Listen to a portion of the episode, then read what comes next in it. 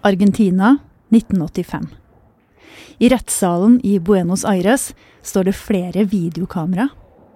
På tiltalebenken sitter lederne for militærjuntaen som regjerte landet på brutalt vis fra 1976 til 1983. Det var første gang i historia at man klarte å gjennomføre en slik eh, rettssak. Det er helt uvanlig at en rettssak i Argentina blir filma. Vitnemåla i rettssaken de var eh, bevis. Når rettssaken er over og generalene dømt, sitter dommerne igjen med over 500 timer med filmopptak. Men den politiske situasjonen i Argentina er ustabil, og de frykter at militærjuntaen skal komme tilbake. Hvordan skal de sikre at opptakene fra rettssaken ikke havner i feil hender?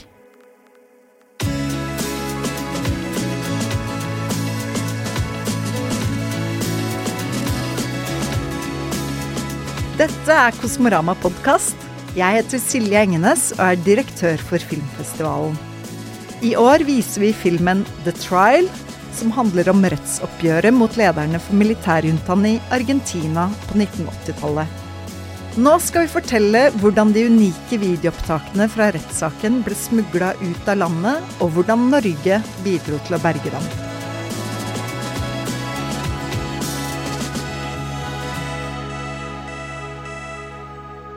Dette som skjedde i Argentina på 70-tallet, det overgår fantasien. Dag Hoel er en av produsentene bak dokumentarfilmen The Trial.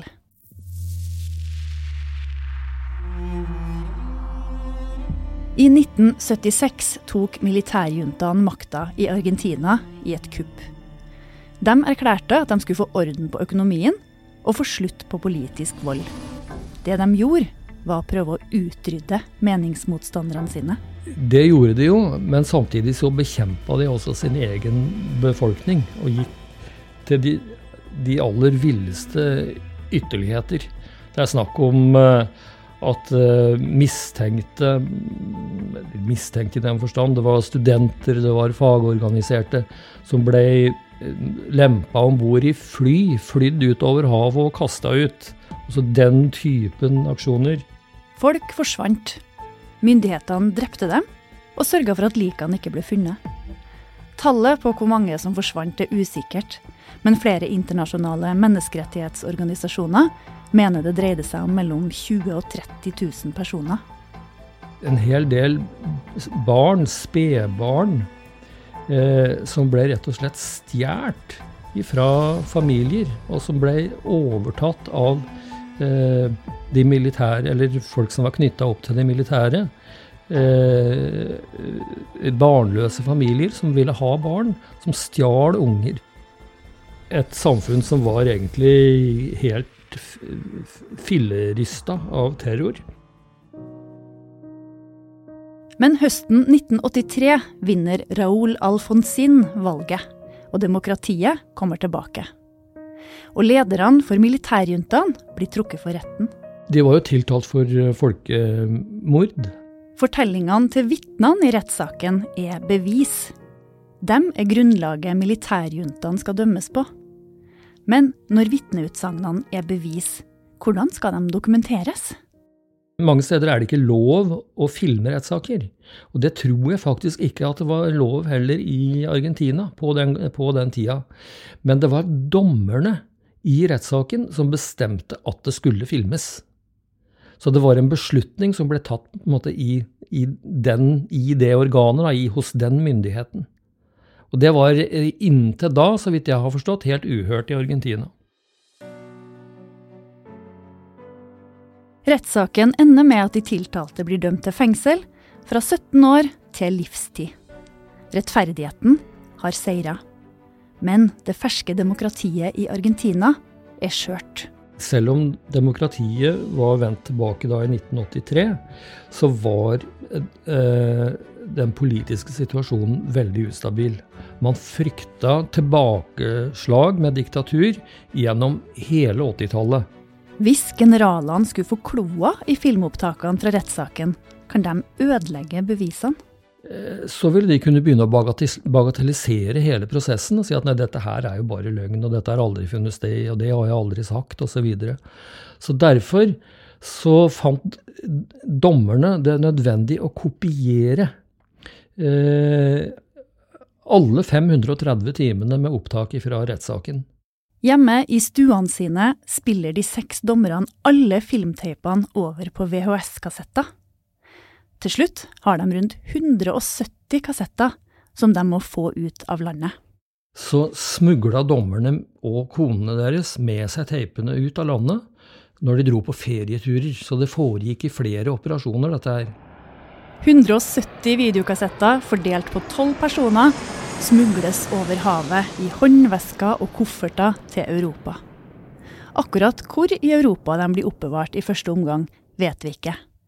Men en dag, i januar 1988, kommer det en henvendelse til det norske Stortinget.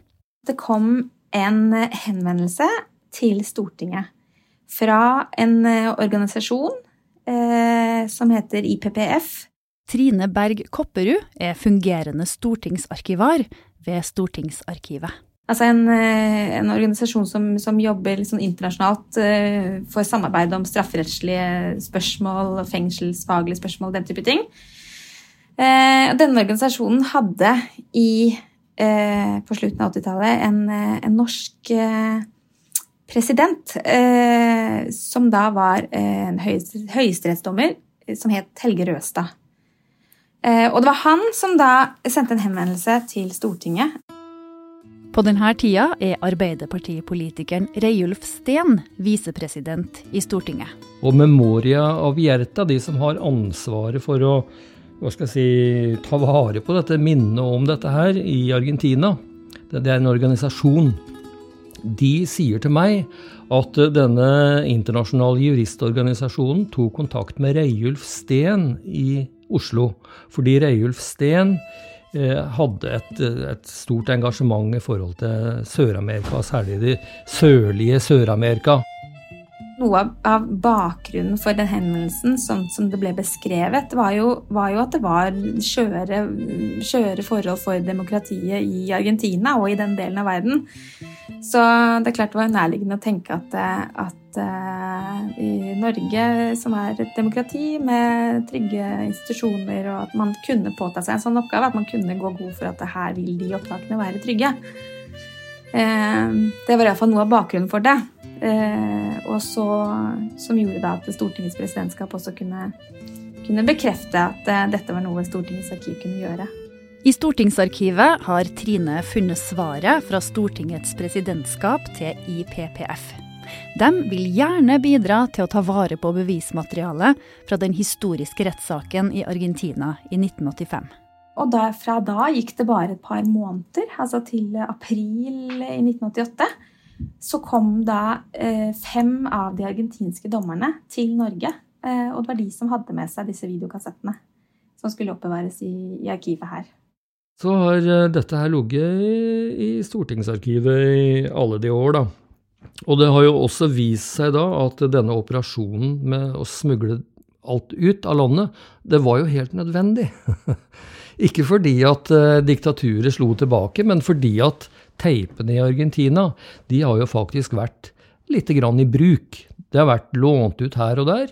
Og i dag så mangler det mange teiper der. Så den eneste komplette samlinga ifra, rettssaken, den er i Oslo. Filmprodusent Dag Hoel har gjennom mange år jobba med ulike filmprosjekter i Latin-Amerika. Og for to år siden fikk han en telefon fra den argentinske filmskaperen Ulysses de la Orden. Så han uh, fant fram til meg og lurte på om jeg kunne være interessert i å være med og produsere denne filmen her, da. De originale opptakene fra rettssaken har vært oppbevart i Argentina.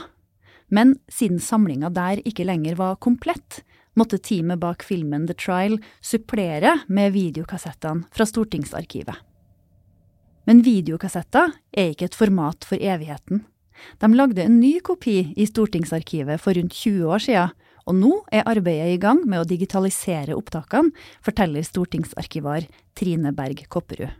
I fjor så kom det da til et samarbeid mellom, eh, mellom ambassaden og Stortingets arkiv og Nasjonalbiblioteket. Og da en organisasjon som heter Memoria Bjerte Eh, om å lage da en, en, en fullstendig digital kopi av disse videokassettene. For å få det over på et, eh, et format som kan bevares på en annen måte. da. Først så tok man utgangspunkt i de eldste videokassettene, men der så man jo at eh, jo, det har skjedd noe med dette materialet i løpet av disse årene, selv om det har stått eh, i ro. Eh, så man har også brukt disse kopiene som ble laget rundt 2000, for å, å, å kunne supplere med det, så man iallfall til sammen kan få en fullstendig kopi.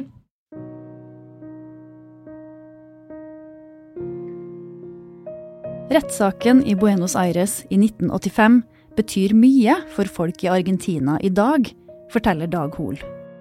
Det er jo det bemerkelsesverdige. At de faktisk klarte å ha et rettsoppgjør som eh, folk i dag, i det store og det hele, betrakter som, som eh, et riktig skritt. Da. Det er stor grad av enighet omkring dette her, og det var en eh, det var ikke bare nødvendig, men det foregikk på en skikkelig måte. De militære hadde et, et, et, ordentlig forsvar, de beste advokatene i landet. Eh, alt var ryddig og, og, ordentlig, og det, en, det lever i det argentinske samfunnet en slags stolthet over dette her. At de som det første folket i verden, og som da hadde gjennomlevd en helt ubegripelig periode, eh, faktisk klarte å stable dette her på beina Og gjennomføre en sånn stor sak som dette her var, da. Så det minnet om dette er høyst, høyst levende i Argentina. Det er liksom noe de lever på. På linje med seier i fotball-VM. og avgjørelsen de seks argentinske dommerne tok i 1985 om å kopiere alle filmtapene og smugle dem ut av landet, skulle vise seg å bli viktig, ikke bare for deres eget land, men også for resten av verden. Jeg tror at det, i, altså, i historisk lys så har det jo dette vist seg å være helt ikke bare viktig, men nødvendig.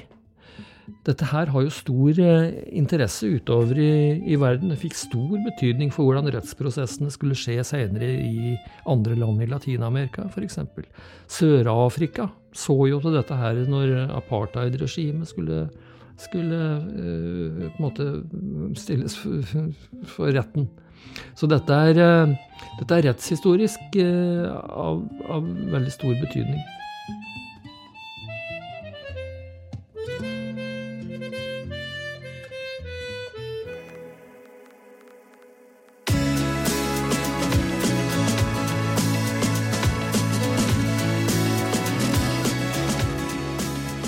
Har hørt Kosmorama-podkast. Den er produsert av journalist Randi Lillealteren i Historiebruket. Podkasten er støttet av Fritt Ord.